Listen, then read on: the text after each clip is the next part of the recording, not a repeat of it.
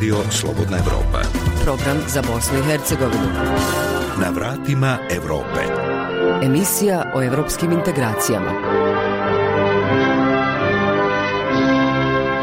Dobar dan, ja sam Aida Đugum i sa vama sam u narednih pola sata tokom kojih će biti riječi o temama koji se odnose na put Bosne i Hercegovine ka Evropskoj uniji. U nastavku poslušajte. Direktorica Agencije lokalne demokratije Mostar, Dženana Dedić, u intervju za Radio Slobodna Evropa kaže da su BH političari samo deklarativno za članstvo u Evropskoj uniji. Mislim da je ključ u rukama građana. Građani moraju biti svjesni da je snaga u njihovim rukama i da oni mogu sve što žele. Samo treba naći pravi put i način. Digitalna transformacija je neminovan proces u kojem se preduzeća prilagođavaju zahtjevima tržišta. Isma Ralagić, direktor razvojne agencije u Tešnju. U EU se velika, ogromna pažnja poklanja u Bosni da tako kažem, veoma mala i to je postala privilegija određenog broja subjekata i prvenstveno lokalnih zajednica koje su u stvari administrativna sjedišta Bosne i Hercegovine u njeni sastavnih dijelova. Značajniji uzlet IT industrije razvijena IT infrastruktura. Ovdje govorimo konkretno o široko pojasnim vezama, govorimo o konceptima 4G, pa i 5G kojim je Evropska unija, Kina je već uveliko konceptu 6G. Kroz inicijativu za zeleniju održivu budućnost, čiji je cilj ublažiti negativne efekte klimatskih promjena, prošle godine je u 15 lokalnih zajednica zasađeno 10.000 sadnica dok je ovogodišnji plan 26.000 sadnica u 30 lokalnih zajednica. Ajla Mostarac iz razvojnog programa Ujedinjenih naroda u Bosni i Hercegovini. Zasađeno je oko 26 vrsta bijelogoričnog i crnogoričnog drveća, recimo vlagrema, breze, čempresa, hrasta, jabuka, bora, tuja i drugih vrsta. Sadnice su bile zasađene u gradskim parkovima, na dječjim igralištima, šetalištima, dvorištima škola, vrtića, bolnica, javnih ustanova, recimo koje su energetski utopljene proteklih godina ili obalama rijeka, industrijskim zonama. Rad Saveza gorskih službi u Bosni i Hercegovini jedna je od najljepših integrirajućih priča u posljeratnoj BiH. Marijana Dadić, instruktorica Gorske službe spašavanja iz Čapljine. Mi ne gledamo ni na boju kože, ne gledamo ni na rasnu ili na vjersku pripadnost, mi smo jedna obitelj koja u biti učimo se da radimo svi kao jedno i zato i pokazivamo našim ljudima da možemo opstati samo ako radimo kao ti. Reforme za Europu. Ključ poboljšanja stanja u Bosni i Hercegovini i napretka zemlje na njenom putu ka Europskoj uniji je u rukama građana. To je u intervjuu za Radio Slobodna Evropa kazala direktorica Agencije lokalne demokratije Mostar Dženana Dedić, koja skoro dvije decenije kroz nevladin sektor radi na jačanju civilnog društva i ispunjavanju uslova za članstvo BiH u EU. Prema njenim riječima, stanje u zemlji je predugo loše, što rezultira sve većim građanskim aktivizmom, kroz koji su građani i civilno društvo postigli određene rezultate. Sa njom je razgovarao Mirsad Behram. Ponekad se čini da BiH stalno ide unazad i trenutno je jako daleko od članstva u Europskoj uniji, ocjenjuje u intervju za Radio Slobodna Europa direktorica Agencije lokalne demokratije poznatije kao LDA Mostar, Dženana Dedić. Dedić ističe da je previše deklarativnih izjava BH političara o tome kako su za članstvo zemlje u EU, pa se zapravo, s obzirom na stanje u zemlji, postavlja pitanje da li BH politički lideri uopće žele Bosnu i Hercegovinu u Europskoj uniji. Dženana Dedić. Mislim da je ključ u rukama građana. Građani moraju biti svjesni da je snaga u njihovim rukama i da oni mogu sve što žele.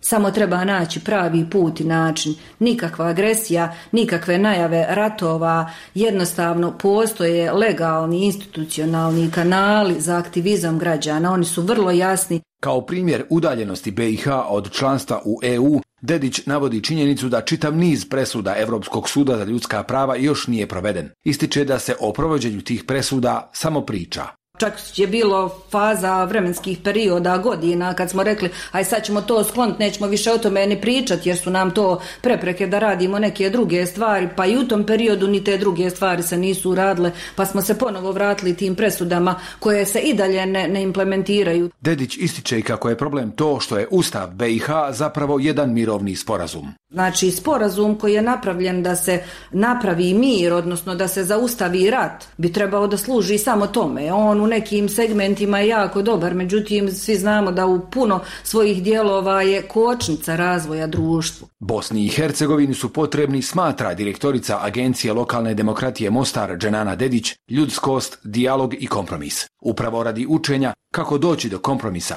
LDA Mostar je proteklih sedmica u Mostaru, Sarajevu i Banja Luci uz podršku jedne članice Europske unije, Švedske, provodila projekat pod nazivom Electionville, odnosno izborni grad. Radi se u stvari o igri kroz koju mladi uče o stvarnom procesu donošenja odluka u institucijama, kaže Dženana Dedić. Ovo je napravljeno u formi igre koja je neka kombinacija čovječene ljutice i monopola i na jedan vrlo fin praktičan način njih animira da se uključe i da se zaista užive ulogu gradskih vijećnika. I zaista, u igri Electionville mladi su članovi različitih političkih partija i raspravljaju o nizu aktuelnih pitanja. I onda su u situaciji da moraju da donose važne odluke, da malo i promijenu svoje mišljenje, da ne idu uvijek u skladu sa svojim političkim stavovima i programima svojih političkih partija. U učenju o tome kako postići kompromis, zanimljivo je vidjeti kako mladi mijenjaju stav, ulaze u dijalog sa drugima, ističe Dedić. Kao primjer navodi raspravu o budžetu, pri čemu je opći utisak kako se u budžetima prvo reže na sportu, kulturi ili obrazovanju, što mlade najviše zanima. Međutim, oni su se kao vijećnici u ovoj igri našli upravo u takvoj situaciji da su morali skinuti budžet upravo sa tih stavki jer su na drugoj strani imali zdravlje djece. Tako da su shvatili u stvari u kakvoj poziciji se nalaze i vijećnici Ipak, direktorica LDA Mostar Dženana Dedić naglašava kako je kroz igru Electionville bio uključen manji broj mladih, pa se ne može očekivati odmah veliki utjecaj ovog projekta na cijelo društvo. U Švedskoj e, ova igra je realizirana preko 13.000 puta i radi se u njihovim školama. Znači to je ušlo u sistem tako da je, ako mi u Bosni i Hercegovini budemo radili na takav ili sličan način, onda se možemo nadati nekim ozbiljnijim pomacima i nekoj ozbiljnijoj promjeni u ponašanju i svatanju demokratije od strane mladih ljudi. Na pitanje koliko je realno očekivati da jedna takva demokratska svijest zaživi u BiH, direktorica LDA Mostar Dženana Dedić odgovara da se već vidi promjena u smislu građanskog aktivizma koji je zadnjih godina u porastu. Svaki taj aktivistički pomak u društvu je najbolja škola i najbolji pokazatelj drugim grupama građana koji na isti takav način mogu rješavati svoje problema. Evidentno je da ovo naše društvo prepuno različitih problema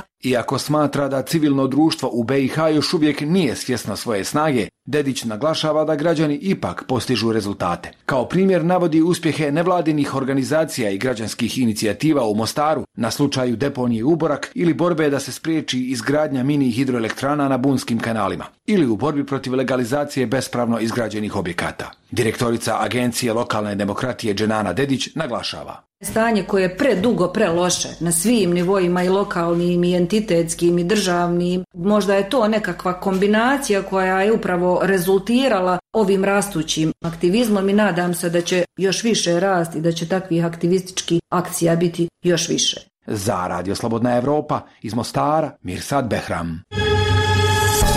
Evropski standardi za evropsko tržište. Digitalna transformacija je neminovan proces u kojem se preduzeća prilagođavaju zahtjevima tržišta i pod utjecajem digitalnih tehnologija.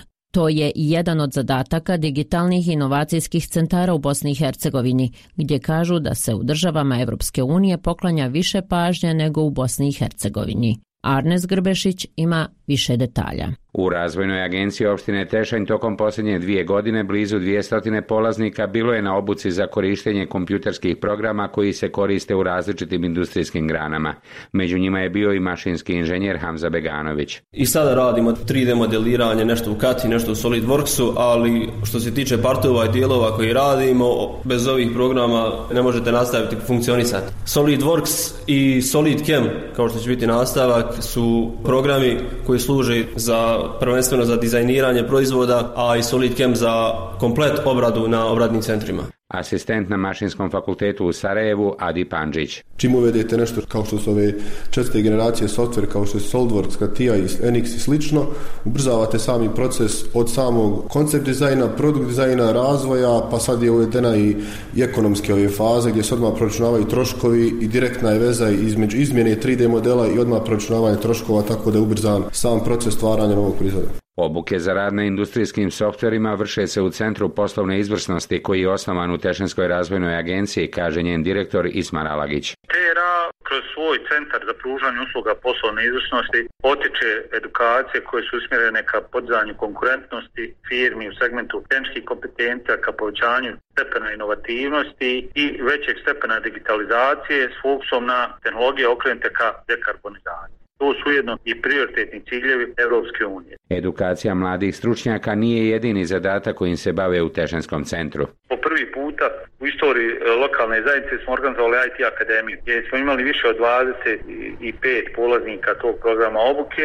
Posebno sam sretan zbog činjenice da velik broj polaznika su uglavnom mlade osobe sa VSS stručnom spremom, dosta od njih u stacu nezaposlene lica koje su nakon provedene obuke poboljšali svoje kompetencije i ostvarili pravo na zaposlenje u firmama u tešnju i bližem okruženju. U Tuzli se različite obuke vrše u Njemačkom centru za robotiku gdje je za poslovni razvoj zadužen Miralin Bulić. Specijalizovani smo za pružanje vrhunskih edukacija na najmodernijim industrijskim robotima najpoznatijih svjetskih proizvođača i e, edukacija u polju automatizacije i PLC-a i CNC-a. Pored toga, DKR pruža usluge digitalne modernizacije, odnosno unapređenja proizvodnje kompanija, tako što uvodimo inovativna rješenja sa i bez robota, a sve u svrhu povećanja tačnosti, preciznosti i efikasnosti. Tuzlanski centar radi sa domaćim i regionalnim kompanijama koje žele da unaprijede svoje proizvodne procese radi veće konkurentnosti na domaćem, odnosno europskom i svjetskom tržištu.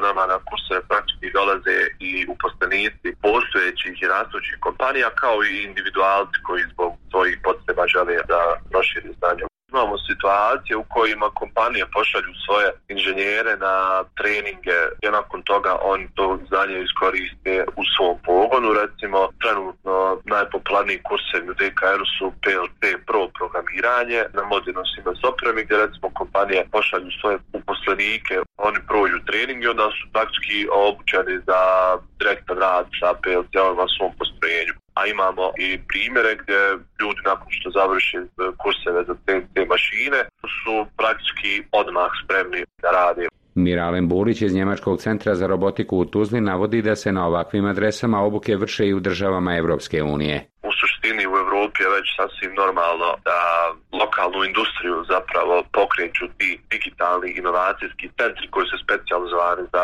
pružanje usluga i, i pomoć lokalnoj industriji. Kada gledamo to iskustvo jel, u Europi, mislimo da je to pun pogodak i da je to praktički ono što industrija u Bosni i Hercegovini treba, prije svega usluge, ne znam, automatizacije, mogu pružiti neke usluge, ajmo reći, digitalnog marketinga i neke usluge koje će učiniti lokalnu industriju Bosne i Hercegovine kompetitivniju na tržištu Ponovo Ismar Alagić iz razmjene agencije u Tešnju. Pa u, u se velika, ogromna pažnja poklanja u Bosni i Hercegovini, tako kažem, veoma mala i to je postala privilegija određenog broja subjekata i prvenstveno uh, lokalnih zajednica koje su u stvari administrativna sjedišta Bosne i Hercegovine ili njeni sastavnih dijelova. Jer pretpostavka za značajniji uzlet IT industrije je razvijena IT infrastruktura. Ovdje govorimo konkretno o široko pojasnim vezama, govorimo o konceptima 4G pa i 5G kojim je Evropska unija, Kina je već uveliko konceptu 6G. Znači, bez tih pretpostavki vi ne možete razvijati IT industriju.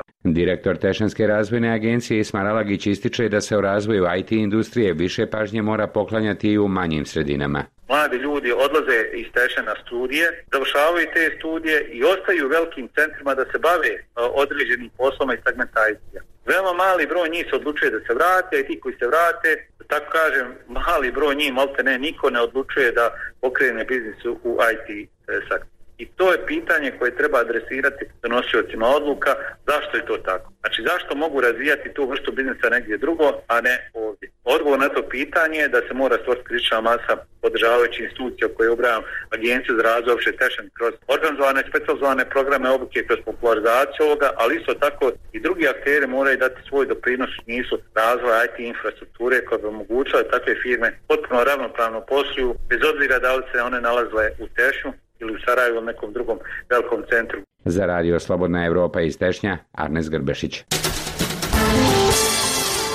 Proces pridruživanja Europskoj uniji i korištenje europskih fondova bila je tema radnog sastanka delegacije Brčko distrikta održanog u Vinkovcima s tamošnjim predstavnicima gradske uprave. Dogovoren je nastavak zajedničkog djelovanja dva grada, posebno na projektima prekogranične saradnje. Zoran Matkić. Dobrodošlicu izaslanstvu Brčko distrikta, predvođenim gradonačelnikom Esedom Kadrićem, u gradskoj upravi Vinkovaca poželio je gradonačelnik Ivan Bosančić. Meni je iznimno drago bilo da sam mogao biti prvi domaćin i nadam se ćemo vrlo brzo napraviti drugi sastanak i raditi druge projekte koji će, kako sam rekao, najvažnije rezultirati ugodnijim i kvalitetnijim životom naših sugrađana. Prvi zajednički projekat prekogranične suradnje vezan za dječje vrtiće već je realiziran, a izaslanstva dva grada očekuju i nove zajedničke projekte. Danijela Slipčević, ravnateljica Agencije za razvoj i investicije grada Vinkovaca. Ovo je prvi naš projekt i prva naša zajednička suradnja. To je projekt koji financira Ministarstvo regionalnog razvoja Republike Hrvatske i e, projekt je ukupne vrijednosti 271 tisuću kuna. 100 e, tisuća kuna besplatnih sredstava dobit će e, Brčko distrikt za uređenje njihovog dijela jasličkog vrtića, dok će grad Vinkovce dobiti sredstva za uređenje dječjeg igrališta u dječjem vrtiću budućnosti. Iskustvo koje je stekla Vinkovačka gradska uprava skupa sa Gradskom agencijom za razvoj i investicije i tekako će dobro doći Bačko distriktu, ali i Bosni i Hercegovini na putu ka europskim integracijama.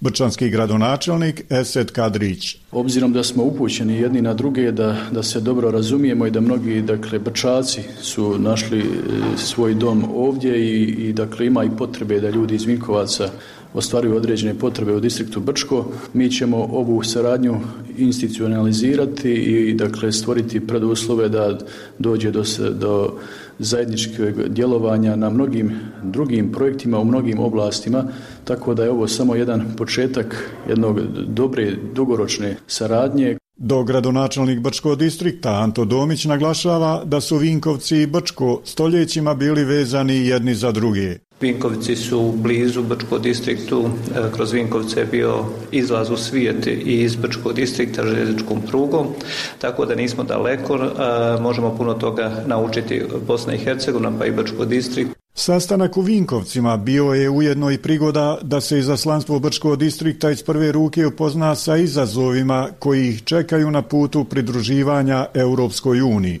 ali ujedno i načinima i mogućnostima pristupu fondovima Europske unije gdje Vinkovci imaju i tekako veliko iskustvo. Za Radio Slobodna Europa iz Brčkog distrikta Zoran Matkić. Razvojni program Ujedinjenih naroda u Bosni i Hercegovini u partnerstvu sa jedinicama lokalne samouprave ove godine nastavlja realizaciju inicijative za zeleniju i održivu budućnost, čiji je cilj ublažiti negativne efekte klimatskih promjena. Prošle godine u 15 lokalnih zajednica zasađeno 10.000 sadnica, a ovogodišnji je plan 26.000 sadnica u 30 lokalnih zajednica.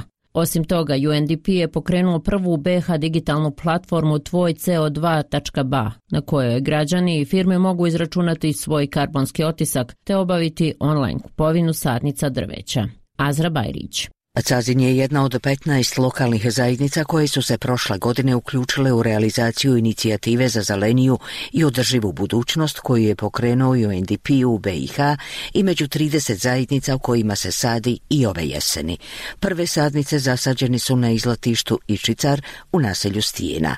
Arif Nuhić. Značaj ovog projekta je što samo izletište već je u fazi formiranja, znači mi ovdje imamo jednu rijeku koja je ponornica, s jedne strane nalazite izletište Ičicar, a s druge strane je stari grad Bila Stina.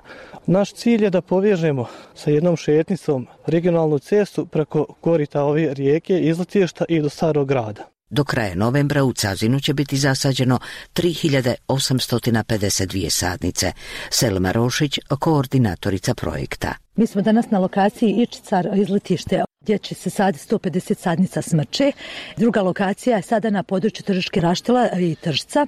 Udruženje ribolovaca također se sadnice smrče. Igor Haneš, predstavnik UNDP-a, kaže kako se ovom inicijativom nastoji odgovoriti na problem zagađenja vazduha, tla i vode. Drago nam je da možemo drugu godinu podržati inicijativu za zeleniju i održivu budućnost koju sprovodi opština Cazin. Između ostalih partnerskih jedinica lokalne samouprave ove godine projekat koji podržava i koji je partnerski projekat ove inicijative je Zeleni klimatski fond koji isto izvaja sredstva kroz projekat povećanja ulaganja u objekte sa manjom stopom ugljika. Svaka nova sadnica u Unsko-Sanskom kantonu bitna je za šumsko privredno društvo Unsko-Sanske šume, direktor Šerif Kaljiković. Podržavamo ovakve ekološke akcije u svakom slučaju i te druge akcije, svako izletište koje se uredi na terenu Unsko-Sanskog kantona, mi na određeni način učestvujemo sa svojim nekakvim sredstvima i radnom snagom u tim aktivnostima.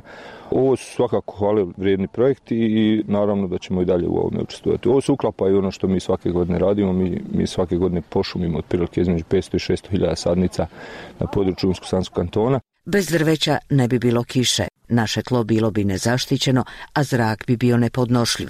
Moto je inicijative za zeleniju održivu budućnost koju je pokrenuo UNDP u BiH.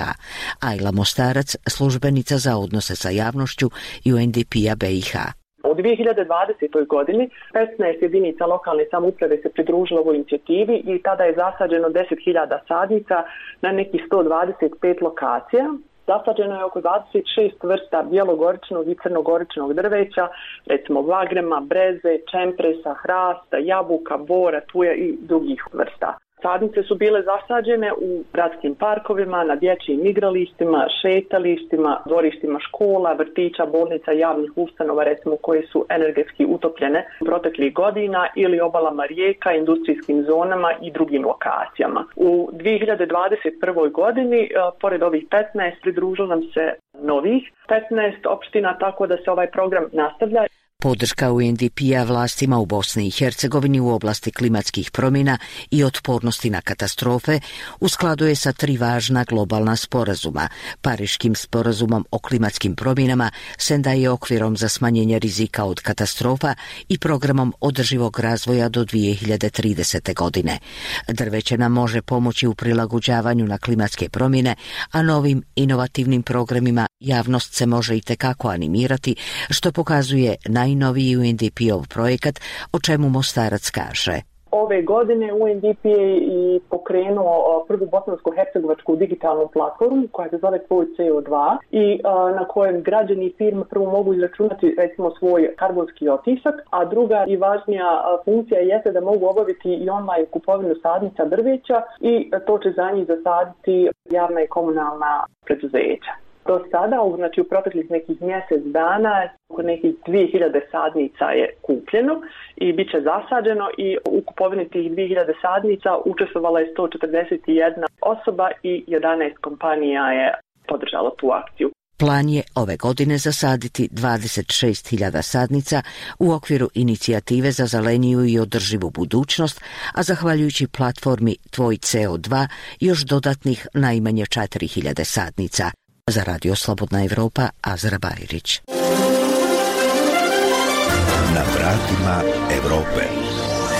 Sedmodnevni kurs ljetnih tehnika spašavanja Saveza gorskih službi u Bosni i Hercegovini naša dopisnica iz Livna Željka Mihaljević iskoristila je kako bi, kako je naglasila, donijela jednu od najljepših integrirajućih priča u posljeratnoj Bosni i Hercegovini. Nažalost, za razliku od zemalja u okruženju, ta humana služba i danas je izvan zakonske regulative. Po prohladnom i vjetrovitom vremenu na vrletima čvrsnice 19 budućih gorskih spašavatelja moraju proći zahtjevan put da bi se pridružili kolegama u nekoj od 22 članice sa prostora Bosne i Hercegovine. Radi se prema planu i programu obuke Gorske službe spašavanja u Bosni i Hercegovini temeljenom na preporukama i standardima Međunarodne komisije za gorsko spašavanje. I to je jedino što ih čvrsto veže uz ostatak Europe. Marino Vidović, predsjednik Saveza gorskih službi službi spašavanja BiH.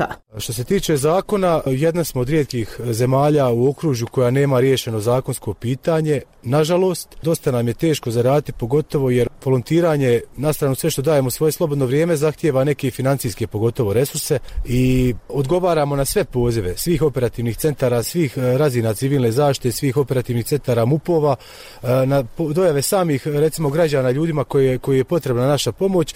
Međutim, za sada smo riješeni samo malo u zakonu zaštite za spašavanje e, u dijelu gdje smo neka jedinica za spašavanje od visina. Osjećaju se podcijenjenim i nedovoljno vrednovanim, premda nerijetko spašavanje stavljaju ispred privatnog života. Najviše ih boli nerazumijevanje države i poslodavaca, govori na Menes Bešić, instruktor i pročelnik stanice GSS-a Srebrenik. Dosta volontiramo, radimo u volonterskim nekakvim dijelovima, sudjelujemo svim tim stvarima, mnogo je, dosta nam reći hvala, ali bi voljeli ipak da nas okolina malo bolje prepozna, da više razumijevamo i određenim ministarstvima gdje bi prepoznali taj naš rad, ipak mnogi momci, naravno i ljudi, djevojke, odvajaju svoje vrijeme i naravno sve u tome nismo zakonski nekako priznati u nekim stvarima. Mi smo ipak volonterska organizacija kao udruga pčelara. Auto imate, imate nekakve svoje troške koje imate, dođete tamo, tretirave se kao osobu fizičkog, odnosno ne znam nekojeg dijela, da ne govorimo o nekim drugim dijelovima gdje nam je potrebna pomoć od ministarstva, države, da nas prepoznaju zakon, donesu nekakva naša prava gdje bi mi mogli biti puno priznati i mogli bolje djelovati. Oni su volonteri koji dolaze iz različitih gradova, različitih su identiteta i inih pripadnosti. No kada je spašavanje ljudskih života u pitanju, žurno se mobiliziraju i djeluju kao jedno. Ma naravno, mi ne gledamo ni na boju kože, ne gledamo ni na rasnu ili na vjersku pripadnost, mi smo jedna obitelj koja u biti učimo se da radimo svi kao jedno i zato i pokazivamo našim ljudima da možemo opstati samo ako radimo kao ti. Govori nam Marijana Dadić, voditeljica obuke na Blidinju, inače instruktorica Gorske službe spašavanja iz Šapljine, ali vnjak Dalmir Mišković uz konstataciju kako je najljepša posljeratna integrirajuća priča o Bosni i Hercegovini prošla potpuno nezapaženo i od medija i od pažnje javnosti, dodaje. Dogodilo se da se usprkos tim svim razlikama radi zajedno. I što je super, znači ima toliko tema koje se tiču spašavanja ljudi, materijalnih dobara, razvoja tehnika, da zapravo u GSS se nema nikad pričati o ovim dnevno političkim temama. I zato je GSS po meni jedna od najljepših priča i o pomirenju i o budućnosti BiH i zato sam ja tu i zato se tu ono dajem svim srcem. Ni to, a ni činjenica da je u protekle dvije godine spašeno mnogo ljudskih života u 224 akcije, što na kopnu, što na vodi, pod vodom ili zemljom, nije motiviralo državu da gorsku službu spašavanja stavi u pravne okvire, ističe instruktor Bešić. Voljeli bi da nas e, javnost još više podrži, još više nam prepozna, da nas samo ministarstvo nam davaju nekako veću potvrdu da bi lakše djelovali, jer kako znate, ovo što mi sve tu sada radimo, neko mora financirati. Mi se trudimo, bez puta smo pokazali u našem djelovanju u povijesti, da smo uvijek tu bili za te ljude koje vam potrebno, da smo uvijek davali dio sebe bez obzira na ono da li smo dobili ili ne. U ovom humanom i nada sve napornom poslu skupi se i dosta teških trenutaka. Pitamo instruktoricu Dadić toga dana jedinu ženu među spašavateljima što joj je u osmogodišnjoj karijeri bilo najteže. Ha, bilo je tu puno akcija. Ona. Mislim da je prije svega najteže ostaviti svoju djecu doma da pomognemo nekome koga sigurno više nikad nećemo ni vidjeti, ni malo bolje upoznati. Onaj, a mislim da je najteža potraga evo kada smo imali dječaka u Nevesinju kada smo ga pronašli. Nažalost, bio je smrtni ishod. A Vidović dodaje kako oni koji žele postati gorski spašavatelji moraju proći prilično zahtjevan put da bi se pridružili kolegama. Sama obuka za gorske spašavatelje je jako kompleksna. Da bi postali gorski spašavatelj trebate završiti pet temeljnih obuka, to je traganje spašavanja za nestalim osobama, tečaj medicine gorskog spašavanja, ljetni tečaj, zimski tečaj i tečaj speleo spašavanja. Tek onda i nakon dvije godine stažiranja stječete uvjete da polažete za značku gorskog spašavatelja. Tek onda imate licencu da, da ste verificirali svoje znanje. Na tome putu bude i odustajanja, no ako je suditi po ovoj generaciji, neće ih biti. Pitamo se Mira Vavajića iz Živinica što ga je motiviralo da se prijavi. Pomaganju nesrećenima i to, je, to mi je bilo ono, jednostavno da, da pristupim u nesrećenima, da pomognem koju ne volji tako. Ja sam Marko Karačić, dolazim iz GSS stanice Široki brijeg. Budući da smo uvijek s kolegama planarili, već su kolege bile u GSS-u, pa sam vidio šta oni rade i tako da sam se priključio ja. Vidio sam da je to jedan human poziv. A dok čekaju inertnog zakonodavca, ovi volonteri nesebično pomažu ljudima u nevolji, probijaju se kroz bespuća, dostavljaju lijekove i hranu, tragaju za izgubljenima i neprestano se usavršavaju, uglavnom uz potporu donatora, međunarodnih organizacija i stranih ambasada. Iz Blidinja za Radio Slobodna Evropa, Željka Mihaljević. Bilo je to sve što smo vam pripremili u ovom izdanju emisije Na vratima Europe. Pozdravljaju vas Svjetlana Petrović i Aida Đugun.